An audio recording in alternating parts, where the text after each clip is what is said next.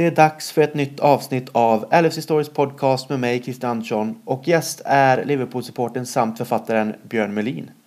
Vi pratar såklart om hans nya bok Liverpool Football Club bakom tröjan och allt arbete bakom den. Och så diskuterar vi vart vår kära klubb befinner sig just nu när det är ett VM-uppehåll och vad vi har för tankar och känslor inför att Premier League återigen startar. Inklusive också rykten om potentiella ägare såklart och vad vi tycker om det. God lyssning vänner, här är Björn Melin. I come here to Liverpool and to Anfield, I've drummed it into our players time and again that they are privileged to play for you.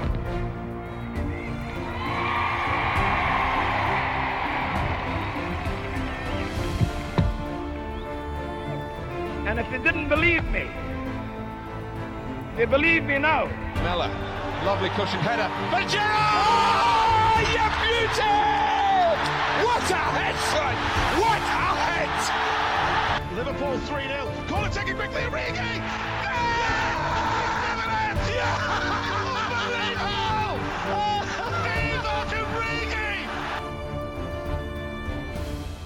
Det är äntligen dags för ett nytt avsnitt av LFC Stories podcast och jag säger varmt välkommen till Björn Melin, LFC-supporter och författare. Hur är läget med dig idag?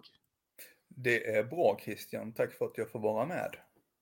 Ja, nej, det är bara roligt. Jag menar att det är lite det här som den här podden är till för också, liksom att man pratar om mycket kring Liverpool, men att man har olika ämnen och liksom olika saker att kunna dela med sig av oavsett vad det är för typ av gäst. Om man pratar om matcher eller händelser eller saker som liksom sker runt klubben eller vad man kan göra i Liverpool. Eller som i det här fallet då att någon faktiskt ger ut ytterligare en bok om Liverpool på svenska. Så att jag tycker att det är ett eh, perfekt forum att, att greppa tag kring just den delen. Tycker inte du det själv? Absolut, det är ju alltid kul att prata Liverpool, eh, om Liverpool med andra supportrar och engagerade. Det är ju en, eh, vi har ju eh, förmånen att eh, älska en fantastisk klubb med mycket historia och mycket fantastiska människor både runt omkring klubben och i klubben. Så det finns mycket att prata om. Ja, och du och jag har ju träffats några gånger. Jag vet att vi har stött på varandra i Liverpool någon gång och även på event i Malmö tror jag det var. Och jag tror också att det måste varit i samband med din förra bok släpptes eller något sånt där. Jag vet inte om det var exakt då, där och då den släpptes, men jag tror att det var lite av det du eh, promota och jag tror att även den kanske lottades ut som någon vinst också. Eh, det var väl ett supporter, en supporterträff i Malmö helt enkelt tror jag. Uh, jag har ju varit på i princip alla supporterträffar i Malmö som har hållits uh, i tio år. Så uh, vid det tillfället i alla fall, 2018, kom min förra bok ut. Och uh, den supporterträffen som var i Malmö då, Storträff Syd, hade ju Bruce Grobbelaar som gäst. Mm, ja, men då var jag där. Ja, så då mm. givetvis promotade jag boken och Sam Dots de får skicka in lite pengar till det nu när jag har nämnt eh, dem. Eh, de var där också och sålde lite prylar. Eh, så att det var kul. Det var ganska kul faktiskt, för jag stod ju där vid entrén och sålde boken, eller signerade boken, för det var ju Sam Dott som sålde den. Och sen plötsligt när Bruce Grobler kom då och hade blivit hämtad så ja, då bara ställde han sig bredvid mig som det proffs han är, tog tag i mig och sen så tog han en bok och signerade. Bara sådär. Jag, jag frågade ingenting och bad om ingenting så jag blev väldigt häpen, men det var kul. Ja, han gjorde det bara, han gick på ren liksom, automatik. Det är någonting som han är van vid där nu bara. Liksom, ja. att, ah, men jag får det gjort, det blir bra, vi tar något foto, jag signerar, allting klart, ready to go. Typ. Jag kan berätta en annan sak om Bruce Grobbelaar, på tal om att vara proffs och van vid att vara uppvaktad av supportrar. Jag var på uh, på Hotell Tia. Jag tror jag träffade dig där också vid ett tillfälle. Mm, det, var, det, var, det var där vi träffades faktiskt. Ja. Uh, Bruce Grobbelaar var ju också där och uh, då hade jag en tröja med mig. Jag har en speciell tröja som jag samlar autografer på. Den försöker jag ha med mig överallt uh, när jag är i Liverpool. Man vet ju aldrig när man kan springa på någon. Och då var ju, han, var ju han där och givetvis skulle han ju signera min tröja. Men jag hade ju en så jäkla dålig penna ju. Så det var nästan pinsamt. Men vad gör Bruce Grobbelaar? Han tar fram en superbra penna från innerfickan och signerar. Han vet att det där, kan, det där kan dyka upp lite när som helst där, att man stöter på någon så bara fan jag har ingen penna och så bara nej, men det har Bruce och så tar han ja, fram igen. Och, och han visste ja. ju exakt också det här, men han instruerade mig hur jag skulle hålla tröjan så den blev sträckt och bra. Eh, sånt som man kanske faktiskt inte som eh, i början av sitt eh, autografjägande har koll på. Inte jag i alla fall, men eh, det har jag lärt mig nu den, eh, den vägen, åtminstone hur man ska hålla tröjan för att den ska vara spänd och signeringen ska funka bra. Mm. Ja, men det är trevligt. Och som sagt, vi har träffats några gånger tidigare, men förra veckan också, eh, det här är ju, när vi spelar in det här är det bara några veckor kvar till jul, så om man lyssnar på det senare eller om man lyssnar på det nu, det är liksom, då vet man om det när det var ungefär. Men förra veckan så eh, var du också med och gästa en annan podcast som jag är med i, The Copied Podcast från Liverpool, där min poddkollega eh, Mick är den som driver den, men där pratar du också då på engelska såklart om eh, din nya bok som heter Liverpool Fotboll Club bakom tröjan och hur var det att vara med i den tycker du? Nu har jag ingen aning om liksom hur spridningen har varit, men det är ju ändå ut mot engelsktalande, så jag vet att vi har lyssnare i olika delar av Europa och världen faktiskt. Så att det är ändå kul att få ut det. Även om boken är på svenska så är det kul att prata om själva grejen med att skriva en bok om Liverpool, tänker jag.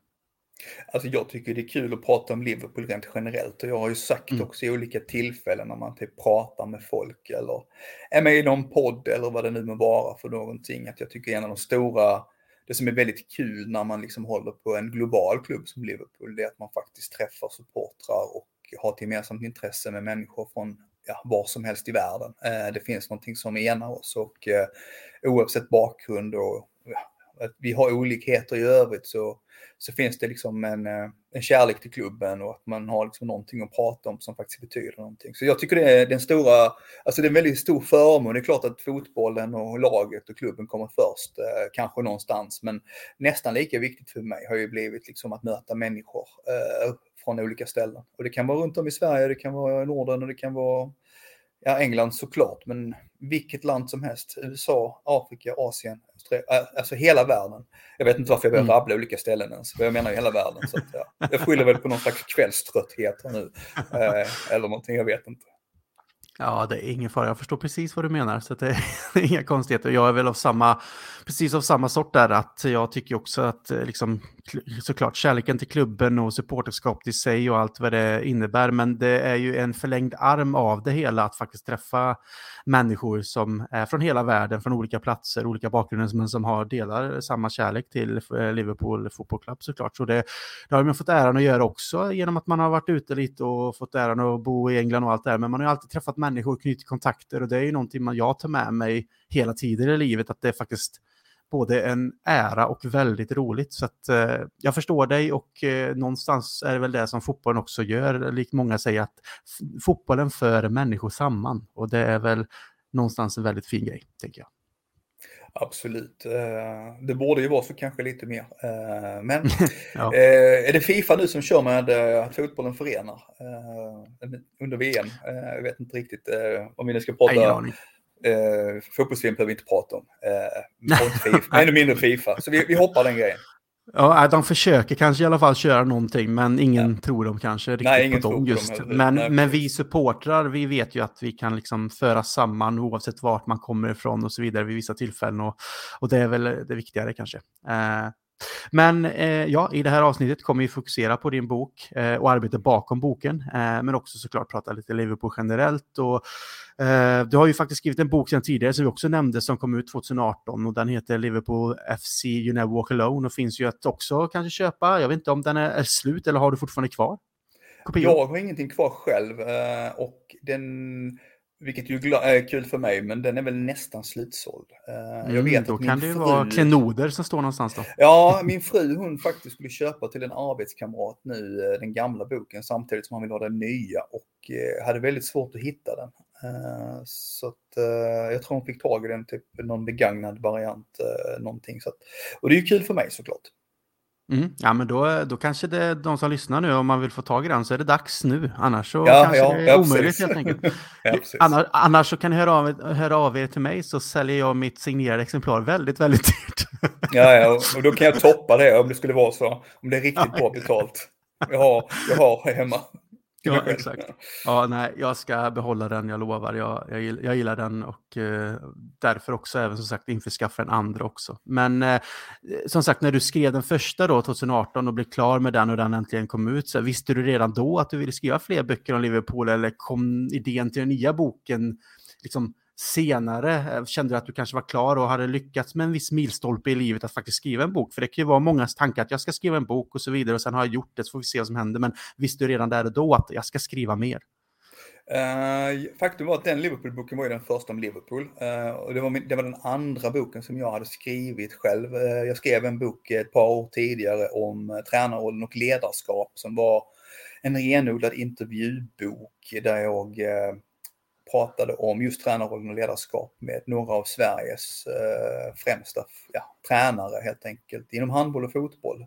Några av dem, mm. Lasse Lagerbäck känner ju alla till såklart. Eh, Håkan Eriksson som vann eh, junior-EM, höll jag på att säga, med eh, U21-landslaget eh, 2015 och så vidare i fotbollssammanhang. Nanne Bergstrand eh, Ola Lindgren, Jubin Vrandis. Alltså det var ganska många. Men den, då visste inte jag riktigt hur man gjorde. Så jag bara skrev och eh, gav ut den själv. Så att jag tog den ekonomiska risken och tryckte upp 1000 ex. Eh, så att det, det kändes, det var ju en riktig bok eh, och den sålde också slut. Eh, men när jag gav ut den här ah, boken om Liverpool 2018 så var det ju på ett förlag och då känns det ju lite mer på riktigt om du förstår vad jag menar. Eh, någon mm. ska ju på något sätt granska det man har gjort, godkänna det, ta en ekonomisk risk eh, och så vidare. Så man blir, jag menar, rent krast så kan ju vem som helst ge ut en egen bok. Eh, men vem som helst kanske inte går igenom den, det nålsöga som det ändå innebär att bli godkänd av förlag. Eh, även om det såklart finns olika förlag. Så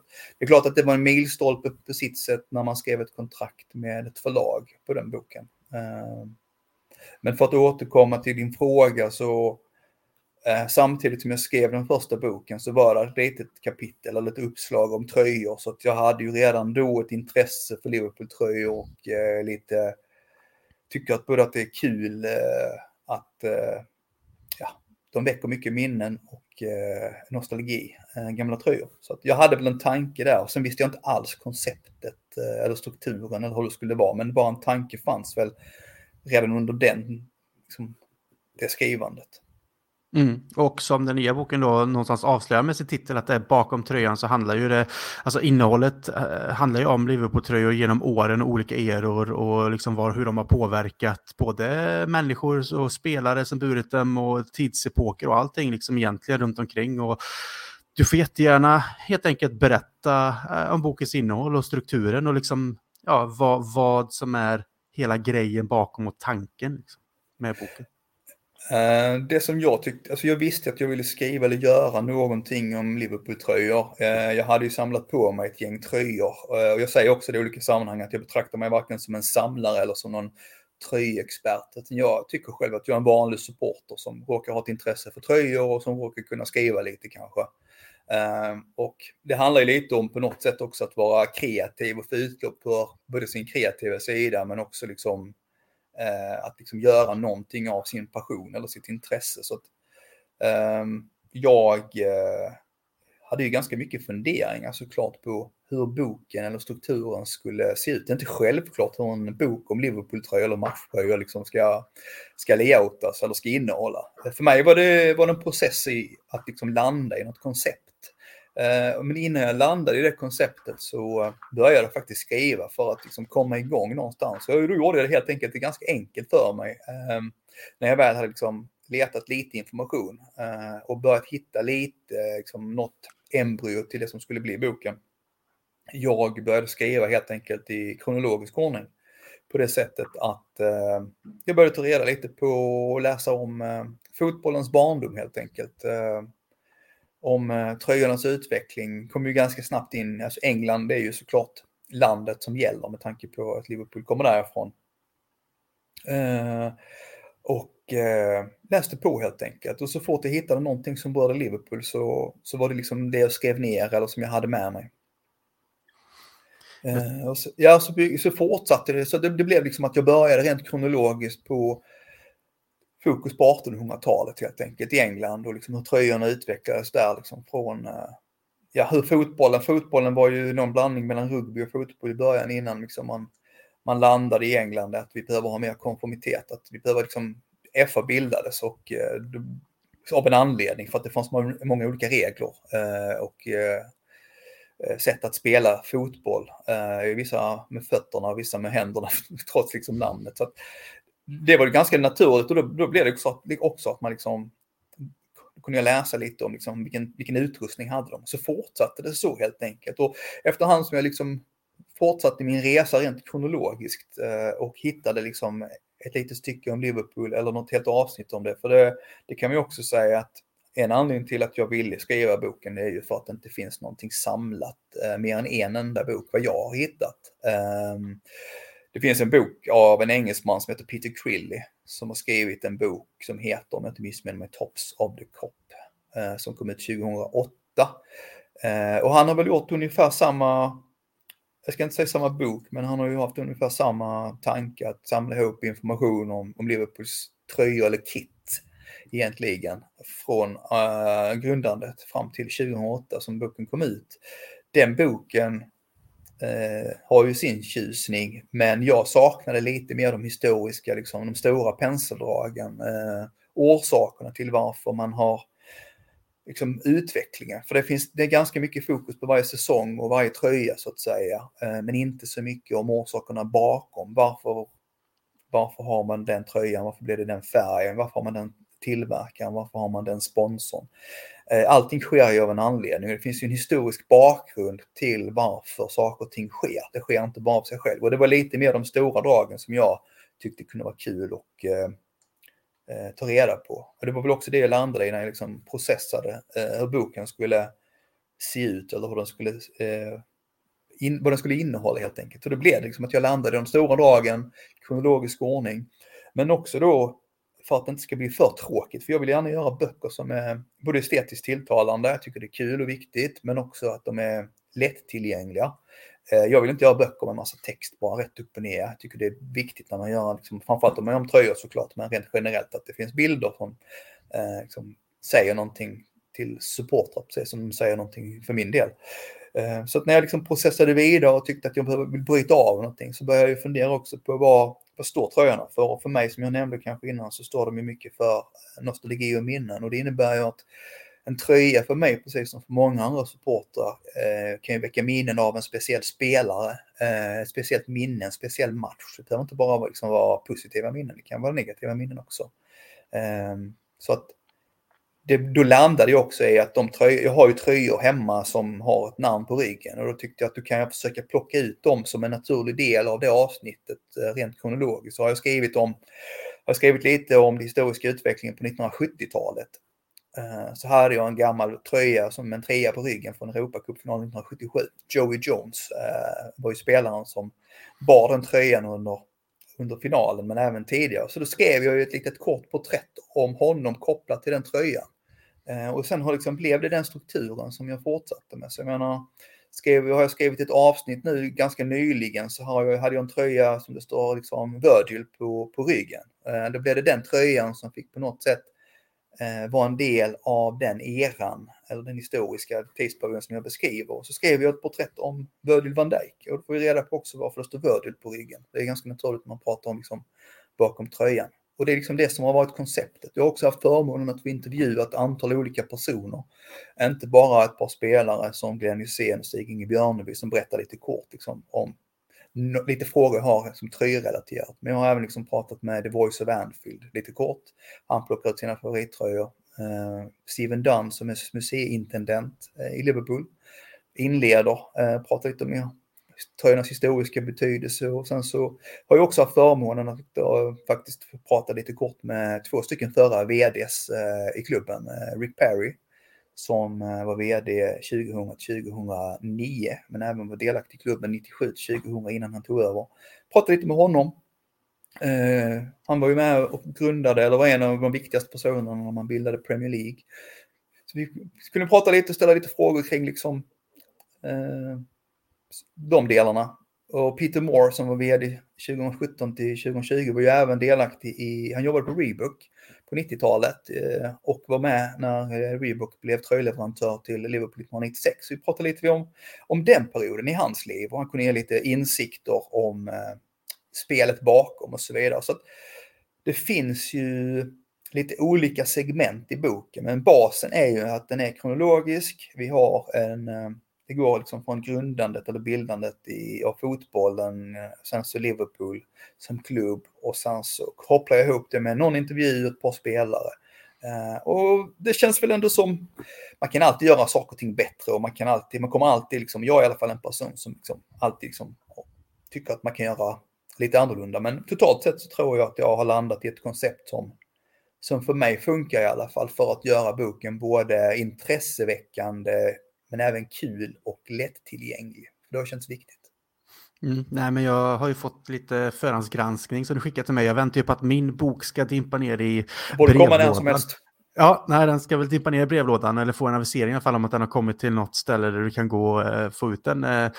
Postombud. Men eh, jag har ju ändå fått möjlighet att titta lite i den utan att liksom läsa för mycket för jag ville göra det i eh, bokform eh, som jag. Men jag såg ju till exempel, som jag tycker är intressant, är att det finns ett avsnitt om Robbie Keane som kanske inte hade eh, en väldigt stark Liverpool-karriär eh, bakom sig under den tiden han var hos oss. Han köptes ju ändå som någon typ av Eh, praktfull värvning. gick ju inte som vi hade hoppats, men jag kan ju ändå tycka att det är väldigt intressant att få läsa lite kring spelare som man kanske inte direkt tänker på, men som ändå kanske då bar en tröja som säger någonting under en viss era, men också en spelare som inte eh, blev den som eh, vi trodde hoppades på. Jag kan tycka att det skapar också någonting extra än att allting skulle vara om spelare som vi, de flesta kan mycket om, eller som vet mm. saker och ting om också. Så den, det gillar jag och även att det finns segment med eh, Carlsberg eh, och deras eh, liksom påverkan på våra tröjor som har varit under lång, lång tid och intervjuer där. Så det är en bra uppblandning skulle jag säga av det jag har sett, att det liksom inte bara är kanske det som de flesta faktiskt redan kan mycket om, för det vet man ju att supportrar ute är bra på att läsa på och kan sina saker kring klubben så kan jag direkt känna att, ja men som till exempel Robbie Keane, eh, ja men det är klart att jag har koll på honom, jag har koll på när han köptes och det han uträttade i Liverpool, men just i den, med den här kopplingen till tröjan och han som spelare så kan jag tycka att det här kommer bli intressant att läsa, för att ta ett exempel. Mm, mm. Ja, men det är kul att säga det. Uh, för det är ju lite så, jag tror att uh, jag tror eh, de flesta supportrar, precis som jag, eh, ser man en tröja, sen är vi olika nördiga så att säga, eller är olika intresserade. Eh, men jag tror de flesta ändå och det behöver inte vara att man ser en tröja som är väldigt gammal, för att vi har ju olika liksom, åldrar och eh, minnen och så vidare. Men jag menar, en tröja tror jag på många ändå symboliserar någonting mer än bara att det tillhör att det är klubbens tröja om man liksom känner igen den. Jag tror ändå de flesta på något sätt, om man är lite intresserad, kan på något sätt associera en tröja med en händelse eller en spelare. Och det är lite det som också liksom jag har försökt eh, liksom, få in. Och det är därför det är tacksamt att man pratar om liksom en titel som bakom tröjan. Man kan få in ganska mycket bakom tröjan. Det kan vara historiska utvecklingen, det kan vara en spelare, det kan vara eh, sponsor, det kan vara liksom leverantören, alltså tillverkaren. Så det finns mycket att eh, använda sig av så att säga när man liksom har en titel som bakom tröjan. Mm, och jag såg också bara i förbifarten utan att avslöja för mycket, men Stuart Downing är också en som eh, mm. omnämns här. Och det är också jag råkar ha en del som... tröjor hemma va? så att uh, jag, jag, plockade ut, uh, jag plockade ut, uh, jag försökte ändå liksom av de tröjorna jag har hemma plocka ut spelare som kanske ändå sa någonting om tidseran. Mm. Um, för det, du nämner Stuart Downing så, nu klart, då hade jag ju den tröjan hemma, den tredje tröjan och så vidare. Men Eh, tanken där var ju för att det segmentet som vi, du refer, eller som vi pratar om, då, liksom, då har jag skrivit lite om historien eller tröjhistorien eller de historiska grejerna liksom, och, och även idrottsliga eh, delarna kort. Eh, 2010 till 2019 är ju det segmentet om jag inte missminner mig, det måste det ju vara. Um, och då har ju liksom då har jag ju i det segmentet har jag två spelare. Då har vi Stuart Downing som var liksom i början av, eh, av kapitlet och sen har vi då eh, eh, eh, Virgil van Dijk som i slutet. Och det säger ju ganska mycket liksom också om den tidseran, för kapitlet heter ju liksom eh, Från konkurshot till Europamästare om jag inte missminner mig. Har ju, borde jag ha det i mm. huvudet mm. men jag är lite förvirrad här nu.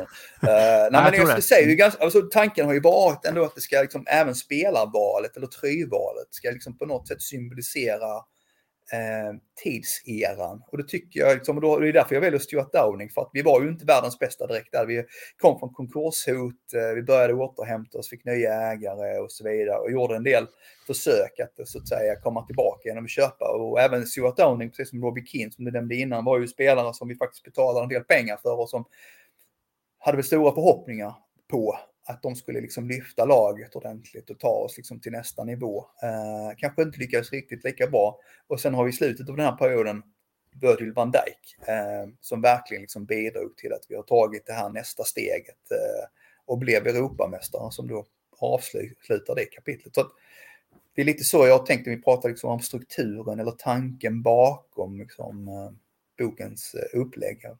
Mm. Ja, men jag gillar det personligen och som sagt just att det kommer en spelare som Stuart Downing i ett kapitel liksom kring värvning av honom, eh, vad vi hade för förväntningar och tankar just där och då eh, i klubben, hur vi ville spela och vi tänkte på att vi värvade till exempel en Andy Carroll som var en, liksom en, en, en, en klassisk nummer nio egentligen, en striker som var stark och bra på huvudet och så ville vi ha till exempel en Downing som skulle piska inlägg liksom. Men det, det, blev ju liksom aldrig riktigt på det sättet och även där så likt med Robbie Keane så blev det ju inte som ett Downing som man hoppats på för han var ju ändå rätt så, rätt så fin i Aston Villa tillsammans med Uh, vad heter han nu som var i United sen? Ashley Young va?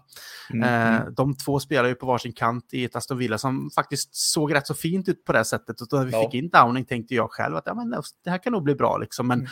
ja, det var ju förväntningar och en viss ribba där och då. Men man såg ju snabbt sen att det blev kanske inte så väl tänkt oss och Downing kanske inte höll den nivån trots att han var en talangfull, duktig fotbollsspelare. Så kanske att spela för Liverpool kräver ytterligare nivåer och då är det ju också då som du säger här, vi kommer tillbaka till en van Dijk sen eh, när vi går in i den eran och mm, som mm. förändrade så mycket tillsammans med även Alisson när de två köptes. Så att eh, det var det är några extra nivåer uppåt från vart vi var då i början av 2010-talet och sen vad vi är då precis innan vi går in i 2020-talet egentligen.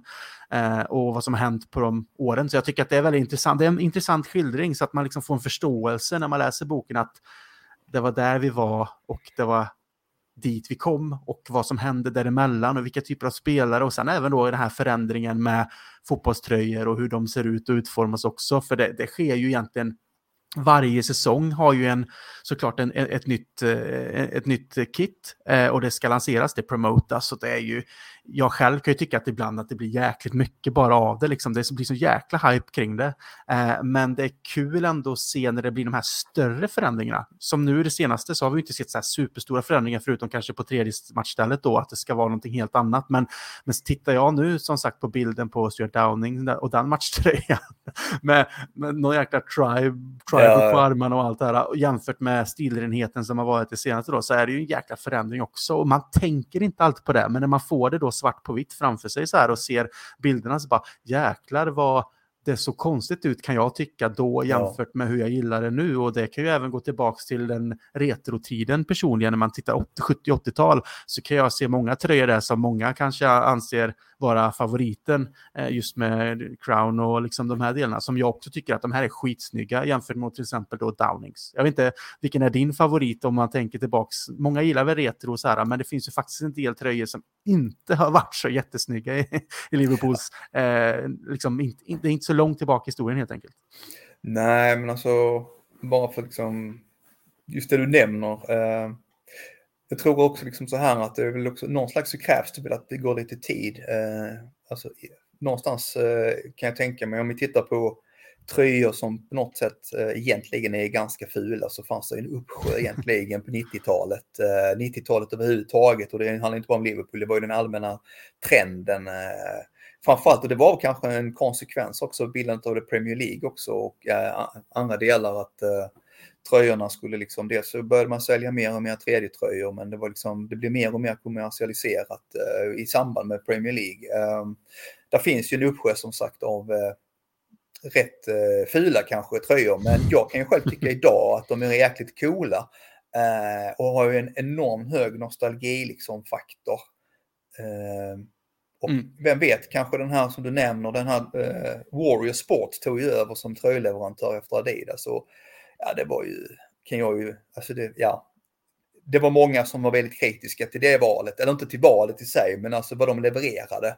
Uh, och den du nämner med tribe, uh, tribal-mönster på, på ärmarna där, så det, det ser för hemskt ut. Och, uh, de gjorde inte snygga tröjor, tyckte jag, om vi generaliserar. Ehm, och, men vem vet, om 20 år kanske den är superkultig. Mm, ja, men det är det jag menar lite, att tiden, tiden går ju och allting på något sätt kommer tillbaka lite man, och saker och ting får en slags kärlek igen. Liksom. Det kanske mm. inte var det mest populära, men så går det lite tid och så hittar man tillbaka och tycker att fast det var rätt så coolt ändå. Liksom. Allting har ju sina, det är ju därför det är intressant med de här tidsepokerna med tröjorna. Men jag har ju en favorit till exempel, den som är från eh, 96-97 där, eh, den här Stan Collymore som du har skrivit där, liksom också den liksom ljusa tröjan. Och den är väl också... Exakt, den har ju också en koppling till eh, Patrik Berger också. Liksom, så här, och jag tycker att den, den är snygg till exempel. Och så, där jag nämnde innan också med eh, Crown Pine, eh, Pint, eh, Paints. Nu håller jag inne på, på, på Pints. Mycket Pints ja, ja, Crown Paints och där liksom, den är ju också snygg. Eh, så det finns ju väldigt många retro snygga, men det som sagt finns en del som inte är jätte fina i mitt tycke. Sen eh, är det ju liksom upp till betraktaren att tycka och tänka, men som, som du säger, det finns de som antagligen är mer eh, populära och mindre populära. Men det är en väldigt trevlig genomgång av eh, epoker med tröjor som man kopplar till vissa spelare, vissa framgångar, vissa mindre framgångsrika eh, perioder under Liverpools historia också. Så det, liksom, om man gillar att läsa det är en sak, men det är faktiskt en jäkligt trevlig bok att också bara titta i. Och det sa du innan med att du ville göra en estetisk bok för att det var viktigt. Och jag kan ju tycka själv att jag som läser mycket, man läser egentligen bara kanske mycket pockets, det är bara text. Men här skapas det ju en annan dimension och det tycker jag är jättekul. Så att eh, det ska du ha beröm för, men eh, liksom också det här eh, tänker jag liksom, hur tänker man just när man ska få fram det där estetiska? Liksom? Hur utformar du den tanken i huvudet? Liksom, hur ser du framför dig när du ska göra en bok så att man ska skriva, ja, det är text, men just med bilder och liksom sådana saker, hur du ska få fram budskapet med bild och text kopplat? Uh, alltså just den här boken så uh, är det klart att det var ganska självklart att, uh, att ha tröjor såklart ju. Uh, och, men sen inte bara tröjor utan också om man skriver om man skriver om en spelare så är givetvis eh, en bild på spelaren i fråga eh, är ganska naturligt eh, i det här korta porträttet som det är. Ehm, och sen givetvis också att fylla ut på ett annat sätt. Men det blir nästan det sista. Så att utgångspunkten var ju att skriva texten och hitta konceptet för både Alltså vad ska, vad ska jag skriva? Men ja, det blir, liksom, det blir historia, det blir kronologisk ordning och sen så hit, samla på sig massa information och bara att hitta information liksom, om detaljer och hela, det har ju varit en process i sig. Uh, det finns ju som sagt bara en bok som jag har samlat vad jag kan hitta och det var ju mycket detaljer, det var inte de stora dragen. Så att jag har ju letat efter bara för att hitta information om tröjor, utveckling eh, och, och så vidare. Så jag har ju jag har läst jag vet inte, hundratals böcker och tusentals internetartiklar och så är det bara för att hitta något litet eh, guldkorn eller ett litet rykte eller fakta eller vad det nu var för någonting. Så det har ju varit en process i sig. Eh, sen har jag ju tröjor hemma, men jag har ju saknat tröjor också såklart, för jag har ju liksom inte någon möjlighet eller jag har ju inte samlat sedan jag var liten grabb och har inte några liksom originalreplikas från 70 eller 80-talet. Och då har ju andra supportrar liksom kunnat hjälpa mig med några tröjor. Eh, för att liksom, där har ju liksom tanken varit att eh, de tröjorna som nämns i texten, som på något sätt har varit den första svarta tröjan eller att när vi fick kritstrecksränder på tröjan 1982 och, och så vidare och så vidare. De tröjorna har ju såklart att, har ju haft ett given, en given plats i boken och, och så vidare. Eh, Hitachi-tröjorna när vi hade Hitachi för första gången 1979, första sponsorn. Så det har ju varit basen så att säga rent liksom, tankemässigt om vilka tröjor vi ska ha med. Och sen så har jag ju såklart kompletterat med andra tröjor. Eh, och jag skulle säga det också att det har ju, i och med att jag intervjuade och har fått kontakt med eh, Steven Dunn som är klubbens eh, museiintendent och historiker. Så han har ju varit supersnäll, eh, verkligen. Och han har tagit bilder själv på några av originaltröjorna som finns på museet. Så att Eh, den allra första tröjan som Liverpool hade klubbmärket på, eh, fa Cup-finalen eller möjligen matchen innan, det kan man läsa om i, boken, eh, hade vi klubbmärket på tröjan för första gången. Och där finns en originaltröja som han har tagit en bild på. Så då kan vi se originaltröjan se ut, där klubbmärket fanns på första gången. Så det är lite sådana grejer och även lite andra. Du nämnde, han tog även en bild på den här Echo-tröjan som Stan Collymore hade, en originaltröja. Den hade jag visserligen själv som replika, men hade han, han tagit en bild på en originaltröja så kan jag väl ta med den. Men nu är det små mm. bilder ska vi ha klart för oss, liksom inte detaljer, utan det är de stora dragen jag är ute efter. Men överhuvudtaget så har det liksom, om vi pratar om att boken har växt fram så har ju det varit, eh, som sagt, eh, först och främst hitta information, hitta liksom, strukturen och formen för det hela. Och sen efter det fyllt på då, först i huvudet såklart, eh, men sen rent praktiskt. Och det som också har varit en utmaning när det gäller tröjor, det är faktiskt att inte ta med för många tröjor. Ehm, för att eh, de ska liksom ha någon slags, det är lite kill your darlings eh, på det sättet att ah, den här tröjan fick inte plats helt enkelt. och den, det fyller, fyller inget syfte att ha massa, massa tröjor. Så det har också varit liksom lite sådär, ehm, en liten utmaning i slutet när man ska formge. Eh, mm. Så man kan säga att det har så det har varit, liksom, text, format eller form, intervjuer och sen samla på sig relevanta bilder, först på tröjor, men sen på de som jag intervjuat och sen så i slutet helt enkelt, när vi liksom har närmat oss slutet, så har det varit liksom tanken att fylla på med bilder som gör att boken blir snygg och estetiskt tilltalande. Det kan vara en lagbild som är ett helt uppslag från eh, när vi vinner eh, Europacupfinalen 1984 som ett exempel. För där får man ju faktiskt se tröjorna också. Och i den mm. mån det har varit möjligt så har jag också försökt välja tröjor på exempelvis spelare eller andra eh, moment eh, där jag inte har med tröjan så att säga i, i texten utan där får den tröjan på spelaren symbolisera eller visa hur tröjan ser ut. Um, så det har liksom varit grundtanken att det är tröjorna ändå som det handlar om. Um, det är liksom det som är den röda tråden. Ehm, så att, ja, det har liksom varit verkligen en process. Eh, och jag är ju själv intresserad av, av eh, ska man säga, formgivning. Jag har inga tekniska kunskaper överhuvudtaget liksom med Photoshop och andra bildredigeringsprogram. Utan det finns proffs som har gjort det. Eh, och, men det är jag som har så att säga haft idéerna. Mm. Och givetvis såklart som kan mest om tröjorna och om klubben. Så att Eh, då har jag mer liksom haft en dialog med formgivaren eller formgivarna. Eh, så här tänker jag, så här skulle jag vilja att det ser ut. Eh, och sen har de liksom sagt, ja men det testar vi. Eller så har de haft en idé så bara har jag sagt att nej, alternativ 1 och 2 är jag inte så förtjust i, men alternativ 3, det var, det var nice. Liksom. Så det har mm. varit en process i slutet också, bara att formge boken som har varit eh, krävande, men himla kul.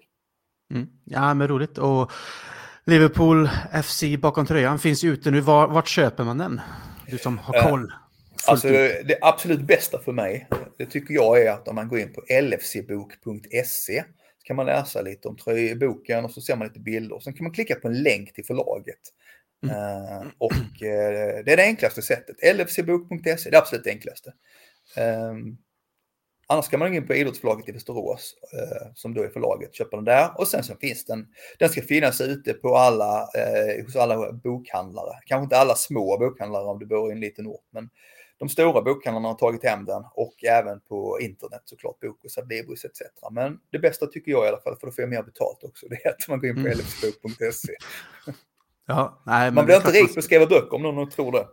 Nej, uh, men man ska väl ändå bli någonstans belönad för allt arbete som man lägger ner. För det är ju som sagt det är en otrolig process uh, och ett, ett hårt arbete bakom och mycket tid. Så det ska man ju inte underskatta utan absolut. Så du får jättegärna nämna igen, vad, vad var det för länk sa du? www.lfcbok.se lfcbok.se Ja men grymt, super. Vad, Finns det några tankar på fler böcker eller behöver du bara landa i det här nu? Eller har du någonting redan nu? Så här, ja, finns det kanske lite idéer framåt? Alltså jag har ganska många idéer. Eh, om både Liverpool och annat. Jag tror att eh, rent krasst är det så här att jag, eh, den här boken har ju tagit eh, några år av min, eh, mitt liv. Eh, det lät ju väldigt dramatiskt. Nej, men jag menar, jag jobbar ju heltid med annat annars och har familj och allt det där. Även om jag har stora barn nu så har man ju mer fritid. Men Eh, det har varit ganska mycket timmar på, eh, på kvällar, helger, semesterdagar och så vidare. Jag tror att det låter så himla mycket, men det känns, och det kanske stämmer, men jag har nog lagt några tusen timmar på den här boken under över några år. Mm. Kan, kan, det vara så mycket? Jag vet inte. Det är i alla fall fruktansvärt mycket tid. Det är klart att jag, eh, och nu är det ganska mycket tid på att promota och göra lite sådana här grejer. Och det är mm. jättekul.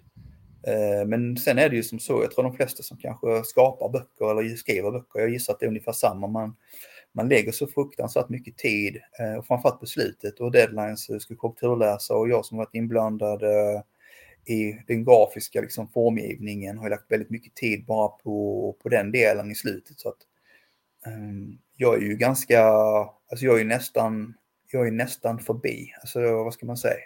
Jag är ju, den är ju redan klar i mitt huvud rent mentalt, eh, färdig och done liksom. Så att, eh, mm.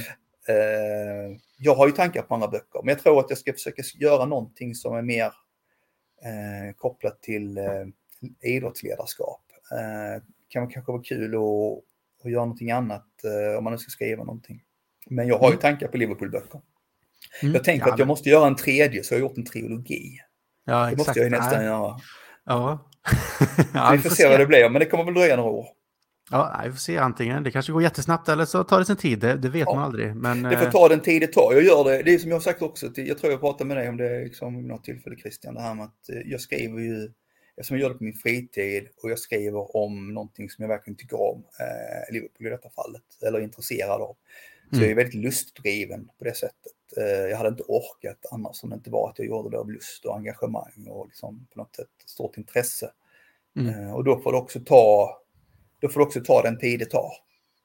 Mm. Det här med det är väl samma sak egentligen. Jag vet, du och jag har diskuterat mycket, både alltså, privat på Twitter och över mail och så vidare. Jag tror till och med att vi hade något samtal för några år sedan. För jag själv är ju, mm. har väl också en slags stor dröm någonstans om att bli en författare en dag. Jag har ju alltid skrivit och alltid läst sedan jag var liten, liksom, både i skolan eh, och jobbat med mycket som har med skrivande att göra. Liksom, jobbat som skribent och webbredaktör och liksom, få uttrycka sig i text. Liksom, och så. så jag tycker att det är jäkligt kul och har väl någonstans börjat på väldigt många olika typer av genrer och böcker. Så det finns ju ett arkiv någonstans där man kanske kan plocka upp antingen om man kan väva ihop det eller om man kan återuppta arbetet med någonting. Men det är ju som du säger att det, det måste ju få ta eh, tid och det kräver sitt engagemang och det kräver, eh, jag ska inte kalla det blod, svett och tårar, men nästintill för att det mm. liksom ska också bli någonting av det. För att eh, som du säger, man har familj, man har ett heltidsjobb, man har mycket annat som liksom kräver sin uppmärksamhet. Och jag känner väl likt väl som jag gör de här typen av eh, liksom, eh, plattformar med podcast, både LFC Stories podcast och några andra som är involverade i det. Det tar ju sin tid, även om det är skitkul och man får engagera sig utanför arbetstider och ibland får liksom bortprioritera lite med familj eller andra intressen man har, så är det ju för att man måste lägga ner sin själ i det. Så att jag har ju full förståelse liksom att är det någonting man brinner för och tycker är kul, så har man ju lättare också för att ta till sig det, men det betyder ju inte att det är enkelt alltid heller. Liksom. Nej, och det, det, kan jag ju liksom så här liksom i, i backspegeln. Så om jag liksom kan, när jag har liksom boken i handen och den är ute på försäljning och det är fantastiskt kul. Jag hoppas liksom att, jag, alltså jag skriver ju jag skriver, jag ska inte säga att jag skriver för mig själv, men jag menar själva skapandet och eh, att ta reda på information eller fakta och allt sånt, det är ju för att jag själv är nyfiken, det är för att stilla min egen nyfikenhet. Men mm. sen när jag gör de här böckerna, och det är väl också därför jag tycker det är både kul och viktigt att göra dem lättillgängliga, både liksom i, i sättet att skriva men också i bildform. Alltså, sådär. Så jag skriver ju för andra supportrar, det är min målgrupp, det är mina kompisar eller mina liksom, fellow reds, eh, det är liksom det det är för den breda, den breda massan. Jag skriver inte för eh, några enskilda tröjnördar, eh, för de kommer säkert att bli besvikna. De kan mer än vad jag kan. De kanske kommer ha synpunkter på bildval och det här är ingen originalreplika, jada, jada, jada. Utan jag tänker att det här är en, eh, om man är intresserad av Liverpool och historien bakom så är detta en, en annan infallsvinkel på eh, klubbens historia. Det är en historiebok, fast ur ett annat perspektiv. Mm. Um, och sen så skulle jag också säga det om man, liksom, som du, om man är intresserad av att skriva och sånt och vill skapa någonting så uh, tror jag att det är viktigt också att uh, liksom, eh, beror på vilken situation man är i livet. Men det, det, tar väldigt mycket tid, det ska man ha klart för sig. Uh, och jag menar, det, även om jag tycker detta är jättekul, jag gör det för min egen skull, och jag har varit noga med att inte ha någon deadline och sånt för att det, det får liksom ta den tid det tar. Så är det klart att jag suttit uppe liksom och letat information och varit frustrerad av att inte hitta saker och ting. Och mm. tycker det är fantastiskt konstigt att det inte finns någon som har skrivit den här boken innan, eh, om än på engelska. Eh, och så vidare. Så att eh, det har varit ganska, det är mycket tid. Man, får, man ska räkna med det, man ska inte tro att det är lätt. Nej, För det, det kan liksom, vara kul, som, men det behöver inte alltid vara enkelt. Liksom. Nej, och det är ju som du vet också, och folk som håller på med, även om det är poddar och sånt, det är inte så att eh, Jag menar när du ska göra en podd så är det ju inte tiden är ju inte när du sitter och pratar, det finns ju ett förarbete. Det är som om jag gör en intervju, det är inte intervjun som tar tid, det är ju förarbetet. Eh, både före, mm. förarbetet, ta reda på saker och vara förberedd och sen så skriva det. Själva, själva intervjun är ju det lilla i sammanhanget och det är samma med, med poddkonceptet. Du måste ju förbereda någonting också, annars har man ingenting att prata om eller ställer kanske dumma frågor. Så att, eh, det tar mm. väldigt mycket tid att göra saker, men det är kul. Ja, exakt. Jag menar som sagt, man pratar med, med dig och man håller sig kring ett visst ämne nu, så, så man har ju viss, ett visst upplägg, man har skrivit ett stödord, man har liksom koll på läget sen innan och så vidare. Men det är som du säger, sen kör man snacket, men sen efteråt så ska det ju klippas lite och klistras och det ska föras över filer och det ska läggas upp och liksom skrivas lite texter och det ska hit och dit. Så det, det tar ju längre tid än vad just det som kanske lyssnarna hör när det väl ja. är ute. Och det är ju samma sak med en bok då, det du läser har ju varit ett otroligt arbete oavsett vilken typ av författare du är eller vilken typ av bok du skriver så tror jag liksom att när man väl sitter och läser, man tycker att ah, det tog lite tid att läsa den här boken för att man inte kunde läsa, men då ska man komma ihåg att den som skrev den tog antagligen väldigt, väldigt mycket längre tid. ja, och så är det ju. Framförallt jag är ju ganska, jag, jag vet ju, jag kan ju skratta lite eh, liksom, så här eh, hjärtligt att eh, de här, alltså de här böckerna som jag har gjort, de är ju tanken att de ska vara lätt. Jag vill ju skriva, jag vill ju ha ett språk som gör att det är lättillgängligt. Eh, att det inte blir liksom varken pretentiöst eller högtravande, utan det är ju för andra supportrar. Så det ska liksom vara lättillgängligt i språk och i form. Och det gör ju också att om jag lyckas med det så innebär det att boken är ganska lättläst. Mm. Uh, och jag vet att för förra boken var det någon som skrev en recension typ att den var bra men det gick väldigt fort att läsa. Uh, ja, det, ju, det, var ju bra på sitt sätt men samtidigt så vet jag ju hur mycket tid som det var bakom. Och det är samma mm. sak med denna. Jag tror att den som är intresserad kommer att läsa boken ganska snabbt eftersom det är ju liksom meningen att den ska vara lättillgänglig. Uh, men det är mycket tid bakom. Mm.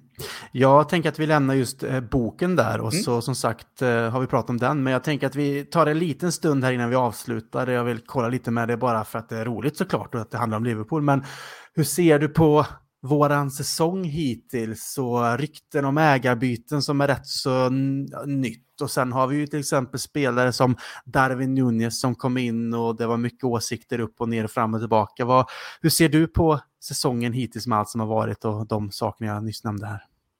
Alltså jag tror, alltså det är väl klart att eh, säsongen hittills har ju varit en besvikelse, något annat kan man inte säga. Uh, jag menar, har chansen att alltså spela alla möjliga matcher förra säsongen, har chansen att vinna allt. Eh, förlora de två största titlarna på målsnöret rent krasst får vi väl ändå säga. Eh, och sen inleda den här säsongen med att vinna liksom en titel och känna att oh, det här var ju kanske lite lovande ändå. Va? Eh, sen så, jag vet inte, det är klart att jag tycker det är en besvikelse, men jag försöker vara lite nyanserad och så vidare. Så eh, det är väl klart att någonstans så eh, kanske det är som så att spelarna någonstans borde vara mentalt och fysiskt tränerade efter förra säsongen. Svårt att liksom starta upp. Kanske, jag säger kanske, jag ska inte säga att man kanske i vissa avseenden kan eh, fundera lite på om man, vissa spelare, kanske många har varit lite ofokuserade, eh, kanske tagit lite för lätt på uppgiften. Jag kanske andas en, en släng av hybris i vissa avseenden. Eh, för att man vet att man som lag och som individer faktiskt har presterat på en otroligt hög nivå under ganska många år nu. Eh, jag vet inte om det har liksom kommit in en sån och sen så kommer man lite fel i början. Eh, Nunez, ja, det var ju inte den drömsdebuten kanske, eller liksom starten eh, som skulle göra sitt. Mané eh, saknad på sitt sätt, men absolut inte på det sättet som vissa tänker jag. Man, vissa experter som kanske inte följer Liverpool börjar tjata lite om att man är så extremt saknad. Eh, han ville bort och ville ha något nytt, inte konstigt med det. Och sen så lite spelare som underpresterar som sagt av olika anledningar. Jag tror det är ganska många olika faktorer som tillsammans har gjort att eh, vi har hamnat där vi, där vi var.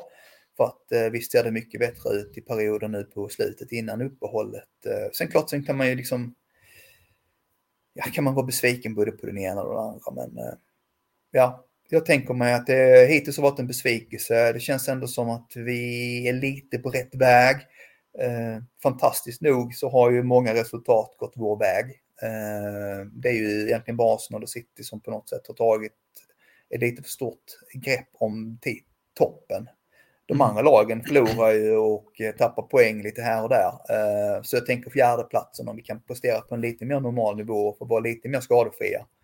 Eh, ska väl vara absolut möjlig, vilket ju låter fantastiskt konstigt med tanke på den säsongen vi har haft. Eh, nej, så jag tänker mig att eh, Champions League-platsen är viktig och sen så givetvis och sen så tar vi, tar vi Champions League-platsen och eh, en titel så får man kanske vara nöjd. Mm. Ja, men jag och, håller väl med dig där om just den. Så här, ja, men jag tycker det är sunda tankar just kring det här med förra säsongen och att faktiskt spela om alla titlar, spela varenda match som går att spela och sen tro att även om fotbollsproffs såklart är vältränade människor just rent fysiskt och även mentalt idag så betyder det inte att man likt i alla liksom, avseenden i livet också kan få perioder där liksom, saker och ting blir för mycket. För bara för att de tjänar mycket pengar och lever ett väldigt flott liv överlag så eh, kan det fortfarande bli tungt. Det kan vara saker utanför fotbollen som påverkar. Det kan vara fotbollen som spelar in också för den delen. Att ha de här, att, ha, att vara så nära till att bli så historiska, falla på målsnöret och sen veta det här eh, we go again-mantrat som har varit så mycket, att känna att liksom, vi måste nästintill uppnå precis samma höjder mm. för att det ska vara möjligt. Och det är nästan en, jag skulle säga att det är en omöjlighet att knappt ens komma i den, alltså komma i närheten igen på det sättet. Det, det är nog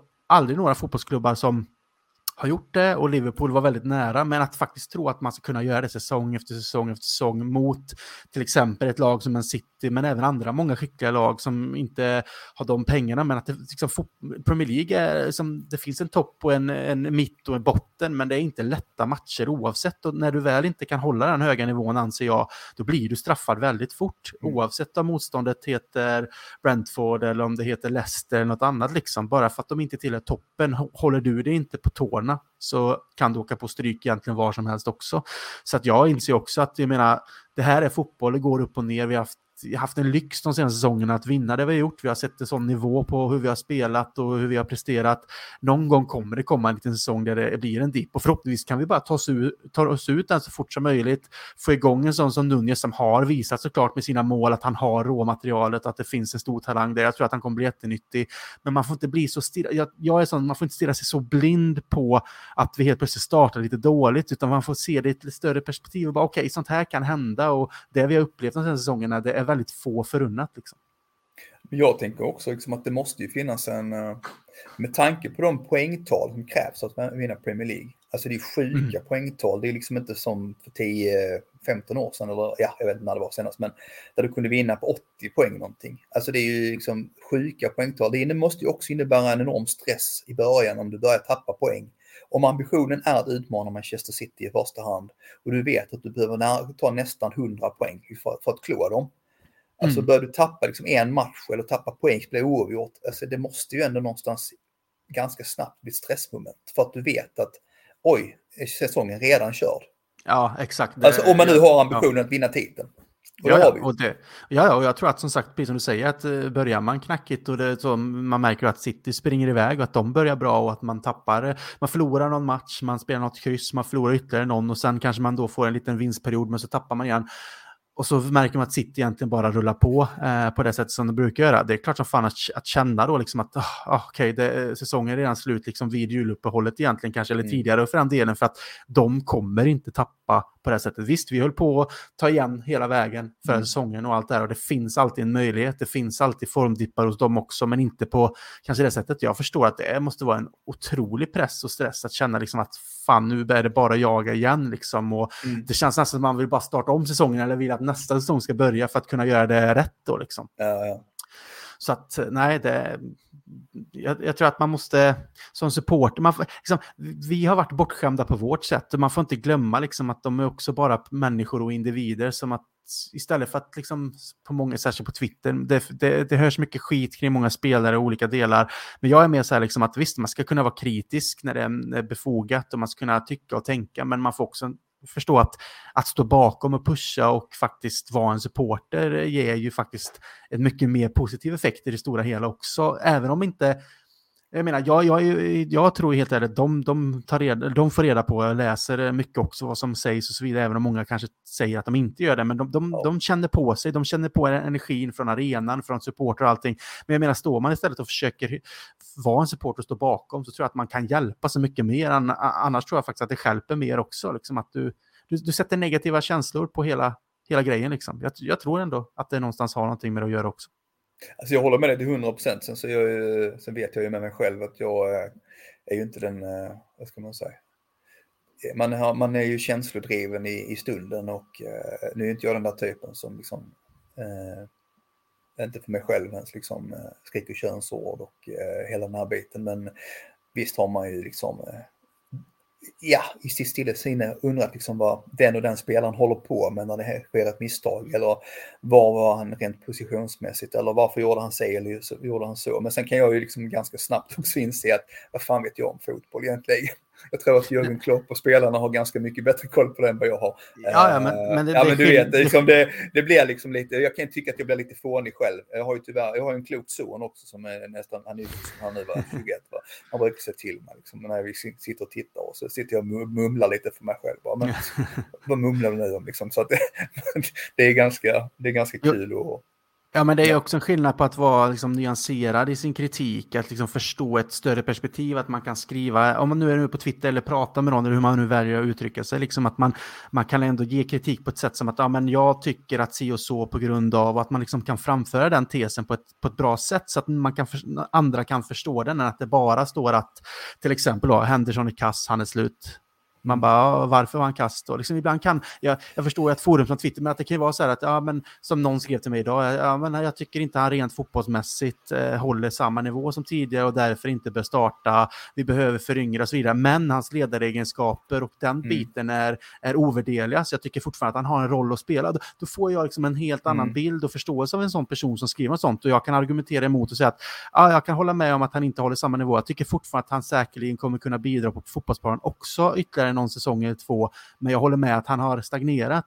Mm. Eh, däremot som sagt som kapten och ledare, bla, bla, om vi nu tar han som exempel, så, ja. så håller jag med dig att det är ovärderligt. Då har man ju en bra konversation. Man kan ge kritik på vissa delar, beröm på andra, men när folk bara häver ut sig dumheter i mitt tycke, med, som du säger, liksom, då blir det så här liksom att ah, fan, jag, jag, vet inte, jag tröttnar bara på lite på ja. det då. Men, Nej, men det är inte, framförallt om man har liksom ett, eh, ett utbyte, om det är nu på sociala medier eller personligen. Så det är klart att det är roligare om det liksom är nyanserat och har ett innehåll.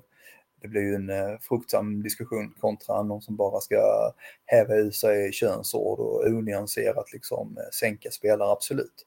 Uh, ja, men det, så, jag vet, man, ja, Nej, men man märker ju även så, som sagt som en kanal som Twitter när man märker att det faktiskt finns supportrar, alltså nu pratar jag inte om svenska supportrar, utan supportrar generellt, liksom att man märker att näst, om vi tar Henderson som ett exempel igen, för att ett enkelt exempel, för han har fått mycket skit ändå, liksom mm. är han vår kapten, har vunnit allting man kan inom klubbfotboll och, och liksom varit i den här klubben länge och bevisat sig på många olika plan, men liksom att det finns faktiskt supportrar där ute, har jag sett på Twitter, som nästintill, eller faktiskt vill att han ska misslyckas i Liverpool-tröjan just nu, eller kanske till och med i landslaget för att någonstans få rätt i sin ja. argumentation kring att han är för dålig. Och man bara, men, ja. men liksom, vill du inte att han faktiskt ska lyckas? Att du hellre säger, okej, okay, han bevisar mig fel, Henderson har varit skitbra den här säsongen, mm. gjort jättemycket, än att sitta där och bara, ja, men jag sa ju det, han, jag vill nästan att han gör dålig för att jag ska få rätt att säga till alla andra att Ja, men jag sa ju det, Henderson är skitdålig. Det, det, för det hjälper ju inte laget på något sätt. Det är ju mycket bättre om han kan lyckas vända på en form eller faktiskt bidra med väldigt mycket och visa alla att fan, han var faktiskt inte slut. Han har faktiskt kunnat bidra med väldigt mycket utan att säga att han ska starta jämt, för det anser inte jag heller. Men det känns som att vill man att sin egen kapten och sin egen fotbollsspelare ska göra dåliga insatser bara för att få rätt i, sin, i sitt tycke och tänk, då tycker jag att man är fel ute i sitt supportskap överlag. Faktiskt. Men, ja. ja, nej, men jag håller med dig. Eh, jag, jag förstår inte det riktigt. Jag är inte den typen av människa. Så att, eh, eh, och sen, ja, jag, jag, jag, jag, tillhör, jag tillhör ju de som älskar Henderson. Eh, så att jag, ibland får man vara tyst på, på Twitter man inte blir halshuggen. Eh, jag har ju faktiskt, om vi nu pratar om boken, han är ju faktiskt en av de som porträtteras lite kort eh, i boken. Eh, mm. med, med en tröja och ett porträtt. Eh. och har man lite koll på, eh, på hans hela långa karriär i vår klubb, hur det startade, de utmaningar han har haft eh, i klubben, hans pappas cancer, allt han har gjort i liksom, välgörenhet, eh, utnyttjat sin, sin status som, som Liverpool-spelare och kapten i England och så vidare för, liksom, mot rasism och för NHS, eh, den brittiska sjukvårdssystemet under pandemin etc. etc. Så eh, kanske man också kan se att det är inte bara liksom en bra fotbollsspelare, en fantastisk människa också och eh, sånt gillar ju jag.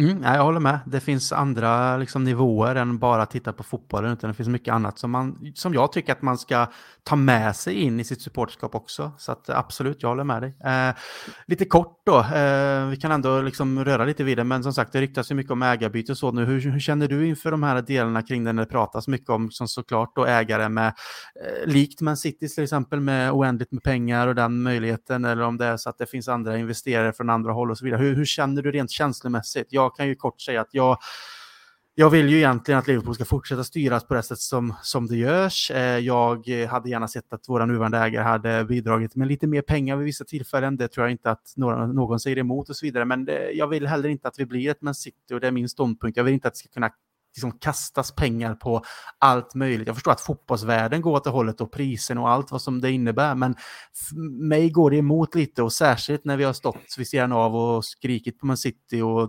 PSG för den delen och kanske nu mer Newcastle också och sagt att ja, de kan bara göra sig och så vill vi då bli detsamma för det blir lite hyckleri då tycker jag. Tänker jag också. Alltså jag, eh, alltså jag rent så här enkelt så eh, är det väl ganska, jag tror de flesta gissar jag ändå, alltså tycker väl att det är väl ingen som kanske vill ha en ägare oavsett var ägaren kommer ifrån. Eh, om det liksom är en stat där man så eh, ordentligt liksom eh, ifrån, det, ifrångår mänskliga rättigheter och jämlikhet och så vidare. Vi behöver, liksom inte prata om, vi behöver inte prata om stater eller länder eller vad som helst. Utan det är väl klart att man vill ha en schysst ägare oavsett alltså rent etiskt, mänskliga rättigheter och så vidare. Mm. Eh, och de länderna som det pratas om det är ju, det är ju Saudiarabien och Qatar, det här konsortiet som jag läste senast om. Något. Där finns ju såklart enormt mycket pengar. Eh, jag vill ju inte ha den typen av ägare, precis som du heller. Jag vill ju ha schyssta ägare som faktiskt eh, det ultimata hade ju varit som det var förr, en rik Liverpool-familj som hade jättemycket pengar, älskade klubben och hade liksom varit i klubben i, i liksom hur många år som helst. Men så mm. ser tyvärr inte världen ut längre. Eh, och då eh, liksom, ska man då liksom ha några andra ägare än de vi har. Jag menar F John W. Henry och FSG har väl, eh, får man väl ändå med tanke på om man kan sin historia så var de ju ändå, de gjorde såklart en bra investering med facit i hand. Men de var ju ändå, de räddade ju ändå klubben på något sätt från de miserabla ägare vi hade tidigare. Mm. De har, gjorde lite misstag i början kanske, de gjorde lite misstag på vägen som ägare med tanke på vilken klubb de äger. Men totalt sett så tycker jag ändå de har liksom stabiliserat ekonomin, de har byggt ut arenan, vilket genererar liksom långsiktiga intäkter. Eh, och gjort mycket Rekryterat annat. väldigt smart tillsammans. Ja, alltså, alltså, Ja, men Klopp är det, som är först i det ledet i rekryteringsgrejen, att vi får in honom som manager, men också sen rekryteringar överlag. Alltså både när det kommer till personal eh, bakom det som sker liksom på planen mm. såklart, och för att få in rätt spelare, men också sen till spelare och den uppbackning som har varit såklart med till Klopp. Sen att det finns tillfällen där man tycker att det hade backats upp, skulle backats upp ännu mer. Ja, absolut, det tror jag att alla håller med om också och tycker, men, men jag håller med dig att överlag så tycker jag att de är ju sunda ägare och på det sättet vill jag egentligen fortsatt styra skeppet, även om utvecklingen kring fotbollen går framåt och uppåt väldigt fort när det kommer till kostnader och pengar och allt det här. Men vi har ju bevisat att det går att utmana ändå. Sen kanske man behöver ägare som är lite mer villiga då, som ja. även Klopp har uttryckt sig, att våga chansa lite mer på transfermarknaden, kanske våga vara lite mer riskfyllda med sina pengar också. Det, det, så kan det vara, men jag vill ju inte, som sagt, jag vill inte ha ägare, likt du nämnde också, som är från ja, Saudiarabien eller Qatar, likt Man Citys ägare också, liksom, och som, som har det här, det är mycket moral i det och allt det här. Och visst, som vi ofta uttrycker det med det här med olika grader i helvetet, att jag vill ha det är helt omöjligt att uppnå perfektion i det här fallet. Men när, när det är så mycket pengar inblandade så går det nog aldrig ha helt klina pengar, liksom. tyvärr. Tyvärr ser det ut så. Nej, nej, men jag, men, jag men vi kan sträva efter så rena pengar som möjligt, också sunda och liksom, logiskt och humanitärt tänkande ägare som möjligt. Det är min vision i alla fall. Sen förstår jag att det kanske är lite naivt, men det är så jag ser det, för Liverpool som klubb är också en klubb som står för väldigt mycket också, och, staden Liverpool också, så att man ska inte bara glömma att det, det, kan gå emot väldigt mycket för vad alltså, klubben står för och vad staden står för och, och vad dess invånare står för också. Ja. Nej, men jag, tycker, alltså jag funderar lite, den spontana känslan när man börjar prata om försäljning, och när pratar försäljning, om det nu skulle liksom vara att man får in liksom ägare, jag menar, alltså det här med statsägda klubbar, sportwashing och sånt. Liksom man, eh, man kräker ju i munnen liksom, eh, mm. på något sätt. Eh, om man har varit med länge kanske framförallt eh, eh på något sätt och sett eh, annat. Ehm, men det som jag tycker är svårt, alltså det är ju det är lätt att säga så. Ehm, det som är svårt på något sätt är liksom mer en annan fråga. Det handlar inte bara om Liverpool, det handlar mer om vart fotbollen är på väg. Ehm, att liksom eh, nu när Premier League tillåter liksom eh, Newcastles ägare. Ehm, man, man pratar mycket, eller har pratat mycket om eh, liksom, financial fair play i olika sammanhang, i Uefa och vilka det nu må vara för någonting. Och regelverk som inte följs och så vidare. Liksom där pengar, bara oavsett var pengarna kommer ifrån, liksom verkligen får styras. Är, liksom, är det dit hän vi är på väg? Um, och då liksom var det blir lite sådär flummig utläggning, men jag menar, det är liksom sånt jag sitter och funderar på, eller funderar liksom på vart är, vart är fotbollen på väg, vad är Liverpools roll i det oavsett ägare? Mm. Um, och, och, vad blir våra supporters roll också då? För att jag ifrågasätter, jag ska inte sätta ifrån, alltså jag ifrågasätter väl eller är lite rädd för vart mitt eget supporterskap tar vägen mm. beroende på vad det blir nu framåt här. Liksom att min kärlek för klubben kommer ju aldrig försvinna för det är ju någonstans i grund och botten Liverpool fotbollsklubb och det, liksom, historien och vad den är grundad i som jag också är förälskad i eh, och mm. mycket runt omkring såklart. Men beroende på vilka steg som tas framåt och med vilka ägare så jag är väldigt rädd för hur jag personligen ska tackla den vägen eftersom att jag ändå förespråkar att inte ha som sagt cityägare och inte bli en cityklubb om man nu ska se det som ett exempel och då tänker jag att skulle vi bli det, vart står jag då eftersom att jag mm. själv alltid har varit emot det de har gjort rent alltså rent ja, men, stru fotbollen strukturellt överlag, att jag har tyckt att det liksom känns ja, men, en, enkelt sagt egentligen ett slags fusk att ha hur mycket pengar som helst och kunna kasta på hur mycket som helst utan att det på något sätt blir några, eh, resulterar i, i någonting av, ja, men vi, vänt, vi hade ju det här financial fair play som inte verkar funka. Så det, det, det blir så här, strukturen för fotbollen eh, fall, fallerar. Mm. Och det är väl lite det jag känner så här, vart är fotbollen då? Vad betyder det för mig då, liksom, när det mm. bara mm. går att leka fotboll manager och klicka typ som att du på vilken spelare som helst, ge hur mycket lön som helst och så byggs det på det sättet. För mig förstörs ju i grund och botten den romantiken som jag känner för fotbollen. Och återigen, ja, det kanske är naivt av mig, jag lever kanske lite kvar i det gamla, men mitt supporterskap är jag rädd för kommer få sig en rätt så hård törn om det blir så. För jag blir så här, jag, jag vet inte riktigt hur jag ska identifiera mig med längre då, med min klubb. Nej, men sen så jag är ju ganska, jag är ganska reflekterande av mig rent generellt så här. Så jag kan ju liksom så här för mig själv liksom fundera på både det ena och det andra. Och om vi liksom ska resonera lite kring, liksom, vi bara vill låtsas. Det är väl klart, någonstans, om vi liksom bortser från, det finns ju en moralisk aspekt av det hela. Eh, men sen ska man också ha klart sig, för sig liksom så här att det är ju vår moral, det är vår västerländska moral eh, om saker och ting. Nu pratar jag, liksom inte, nu pratar jag inte om ytterligheter, liksom så här om halshuggning och annat liksom av eh, meningsmotståndare. Jag menar, jag menar, det är klart att någonstans så har vi olika värderingar på olika ställen runt om i världen. Men tänk dig själv så här också, och nu, liksom, nu bara liksom tänker jag högt för mig själv, men om vi säger att leka football manager, det kräver ju nästan, det kräver ju nästan att du är ganska ensam om att ha så mycket pengar så du kan köpa vilka spelare du vill. Men om det finns många klubbar som har mycket pengar och kan köpa fler spelare, det innebär ju också att det blir svårare för den enskilda klubben. Alltså, vi säger bara Manchester City. Det är väl klart att om vi har mer pengar, Newcastle har mer pengar, andra klubbar har mer pengar, eh, då blir det inte lika lätt för dem att leka fotboll manager. Liksom, om vi liksom, där kan ju vara en sak, och får vi liksom en ägare som vi kanske tycker eh, är eh, tvivelaktig, eh, har en tvivelaktig bakgrund oavsett varifrån den kommer. Mm. Är det liksom den enskilde ägaren som vi ska liksom göra bedömningen liksom kring eller på, eller är det var vederbörande kommer ifrån? Eh, det finns liksom andra aspekter också som handlar om vad skulle en betydligt rikare ägare kunna göra för staden, för mm. eh, området runt Anfield. Eh, menar, liksom, finns mycket liksom, fattigdom och utsatthet och England idag kanske liksom, läser man om liksom, är, kanske, är ju kanske mer socialt utsatt än vad vi är i Sverige. Mm. Eh, en riktigt rik ägare så kan ju faktiskt ha rätt så schyssta värderingar och kan ju också, det kan vara inom ramen för sportwashing, men det kan ju också finnas liksom en, en ett ärligt uppsåt att vilja göra någonting för eh, staden och eh, människorna där. Alltså du förstår jag menar, alltså det finns Absolut. mycket man kan reflektera om. För mig är det inte svart och vitt. Eh, min spontana känsla är bara nej fy. Fy fasiken, jag vill inte ha det. Jag föredrar eh, amerikanska eller tyska ägare eller någonting sånt där. Bara för att jag är mer, vad jag vet så är mina grundläggande värderingar mer lik deras. Men det säger kanske någonting om mig också. Alltså, jag menar, det finns mycket ja, man kan liksom resonera kring och eh, fundera kring. Men visst, spontant så finns det vissa länder, eh, och nu ska jag inte säga länder, jag vill säga länder, vi säger Saudiarabien med hela den bakgrunden. Vi har Qatar idag, vi känner till mycket om migrantarbetare, vi är sportwashing. Ehm, ojämlikhet och så vidare. Det är ju ganska långt ifrån var de flesta av oss står rent värderingsmässigt. Så det är väl klart att...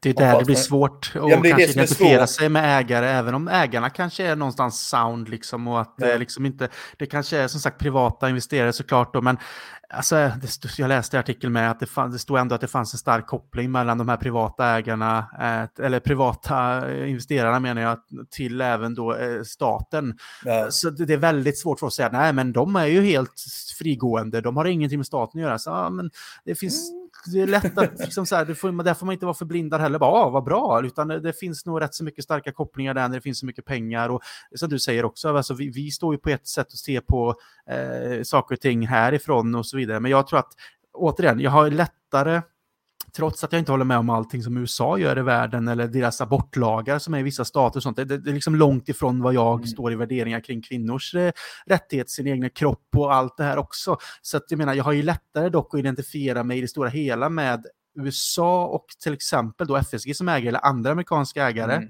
Eh, även om jag inte håller med om allt som USA står för, absolut inte. Men det är lättare för mig på ett, en, an, en annan nivå än att kanske stå bakom ägare från en stat eller regim eller ett land där som sagt eh, mänskliga rättigheter inte värderas, där allas lika värde inte värderas och att du faktiskt kan straffas med till exempel döden för att till exempel vara homosexuell eller att du mm. piskar kvinnor för att... Alltså, där står så långt ifrån mina egna mänskliga liksom, värderingar och tankar om hur saker och ting ska vara. Där får jag svårt att på, en, på något sätt kunna tycka att det känns okej. Okay. Medan jag kan tycka att ja, men USA då, FSG, ja det finns säkert vissa saker där med som jag inte håller med om, men det är mer okej okay hos mig att jag vet att det är inte på samma nivåer. Som sagt, det finns olika grader i helvetet som vi säger. Så det det, är, en väldigt svår och stor fråga, men när det kommer, som du säger, till ägare från den delen där det finns det här, då, då är det svårt för mig personligen och det är, min, det är min egen åsikt. Andra får tycka helt olika om de vill, men där står jag i mitt tyck och tänk och hur det kan påverka mitt supporterskap framåt och det är väl där någonstans jag landar i då. Och jag egentligen är ju ganska lik dig så jag värderingsmässigt. Eh, men jag försöker läsa och försöker liksom få liksom olika... Jag tycker det är ganska intressant att resonera kring det. Sen landar jag ju såklart, jag landar ju i samma slutsats som du kanske gör. Eh, men det finns, eh, om man vill så kan man hitta skit både här och där. Exakt. Sen just om vi, sen, sen är det väl såklart så också, jag menar, man, får ändå, man vill väl ändå ha en, en ägare som eh, faktiskt, alltså nu är vi i en tid där det pratas om investeringar och eh, eh mm. har man jättemycket pengar så blir ju fotbollsklubbar leksaker i någon mening, om du har extremt mycket pengar. Um, och det kan vara sportwashing-tankar och så vidare. Men, men uh, att ha, man vill ju ha ägare som dels bryr sig om klubben, människorna, staden, eh, som faktiskt inte bara låtsas att de förstår historien, eh, utan de faktiskt tycker att det finns liksom, att, att kan vara stolta kanske över liksom på något sätt ha en klubb som Liverpool. Eh, mm. Men också som faktiskt delar de grundläggande värderingar som klubben och staden står för. Och då får man fundera på vilka är de grundläggande värderingarna. Och där någonstans kanske man kan börja eh, utesluta vissa. Mm. Ja, vi lämnar just den delen där, men det är ett intressant ämne att prata om i alla fall och kul att vi ändå kunde ta ett litet grepp om det. Och så, såklart eh, ska vi försöka runda upp nu, men jag tänkte ändå fråga, eh, ska du besöka Liverpool inom närtid? Uh, ja, jag och en kompis, vi ska dit uh, över påsk. Det är den nästa mm. match. Uh, Arsenal. så får vi se om vi kan krossa Arsenals titeldrömmar. Om, om de har kommit så långt. Eller vi kanske till och med har närmat oss, vem vet. Men det är ju påsk i april, så det är nästa tillfälle. Det var ett tag sedan, har varit annat emellan, det fanns en pandemi. Skulle ju mm. varit där. Senaste matchen var, skulle jag nog, jag tror inte jag har varit där sedan, jag skulle sett Aston Villa i april 2020, den blev inställd. Så nu blir det första matchen på tre år då. Mm. Herregud, vad tiden går. Ja, jag hade ju också en sån period, det är såklart som alla med pandemin, men jag hade ju matcherna där på vårkanten, två eller tre inbokade när vi liksom vann titeln då. Mm. Eh, eller ja, det blev ju senare, sen när vi vann den, men det var yeah. de matcherna, om allting hade varit som normalt, så ja. hade jag ju dem och det blev ju såklart bara att bita det sur äpplet och förstå att det finns större saker också. Men det är klart att det gör lite ont en stund när man vet att det har varit matcher där man fått se Henderson lyfta pokalen på Anfield. Ja. Liksom. Men eh, sen fick man ändå inse att okej, okay, många förlorar livet, det var tunga perioder för många rent ekonomiskt. Alltså det var mycket som påverkade. Mm. Man, och man, jag, jag släppte det rätt så snabbt. Eh, men sen kom jag över i i april nu eh, i, i våras och sen ja. vart jag ju över mot Southampton nu igen då. Så nu har jag varit över två gånger och eh, ja, det, då får man en jävla smak för det igen. Så att jag hoppas väl kunna åka över nu i vår också såklart då. Så vi får se, vi kanske är över samtidigt så vi kan mm. skåla i några öl återigen. Vi får se. Absolut. Jag kommer alltid hålla alla möjliga matcher öppet beroende på när och hur det funkar med familj och jobb och så vidare. Ja. Nej, men det får, det får vi göra. Absolut. Mm. Mm. Ja, men perfekt. Eh, jag tänker att vi avslutar där. Eh, jag har yes. pratat i ungefär en timme och 15 minuter ser det ut som nu. Så att eh, jag säger tack till dig Björn för att du vill gästa LFC Stories podcast och berätta om din nya bok som finns ute, Liverpool FC bakom tröjan. Så att som sagt, du får jättegärna nämna länken igen så har vi med oss det. Ja, det absolut bästa är att ni går in på lfcbok.se och hittar mer information om boken, länk till beställning och lite annat intressant. Mm, jättebra, och det kan vara ju perfekt julklapp till någon fanatisk Liverpool-supporter. Eller om du liksom känner själv att det är den perfekta julklappen till dig själv så är det ju bara att så fall att inhandla den så har man den. Och förhoppningsvis kanske man har din tidigare bok också, annars får man kanske leta med lykta efter att ha båda uppsättningarna. Jag är ju en av de som kommer ha båda, så det är jag väldigt glad över. Och det går ju att följa dig på Twitter också, ett bokstavstrogen heter du om man vill följa dig där. Eh. Och vad du gör och så vidare. Det är ju en del inlägg om Liverpool såklart, men av, även ur din bok och lite annat. Så att jag följer och tycker det är trevligt. Eh, så där kan man följa dig Björn. Eh, och ja, vill du tillägga något? Nej, nej. Eh, eh bokstavstrogen eh, finns ju väl på, på Instagram och eh, lite annat också. Eh, det, mm. det, var ett ja, namn som det... det bara blev som. Så att, Sök på det så kommer ni väl till mig eller till eh, någon konstig religiös människa, jag vet inte. ja, men då säger vi ett bokstav trogen på Twitter och Instagram om man vill följa ja. det där också helt enkelt. Perfekt, och till er som har lyssnat på Elvis Stories podcast så vill jag tacka er för den här gången och följ också gärna podcasten på sociala medier. Det är bara att söka på ett Elvis Stories podcast och ett Elvis Stories podd på Twitter. Och ni får jättegärna även följa podden där ni lyssnar på poddar så får ni även information när, en liten, ett litet pling pling kan man väl säga när eh, det är nya avsnitt ute. Och ni får även mer information om ni följer på sociala medier såklart. Men vi säger så helt enkelt. Så tills vi hörs igen får ni ha det så jättebra. Så är det snart dags för nya avsnitt längre fram. I come here to Liverpool and to Anfield I've drummed it into our players time and again that they are privileged to play for you.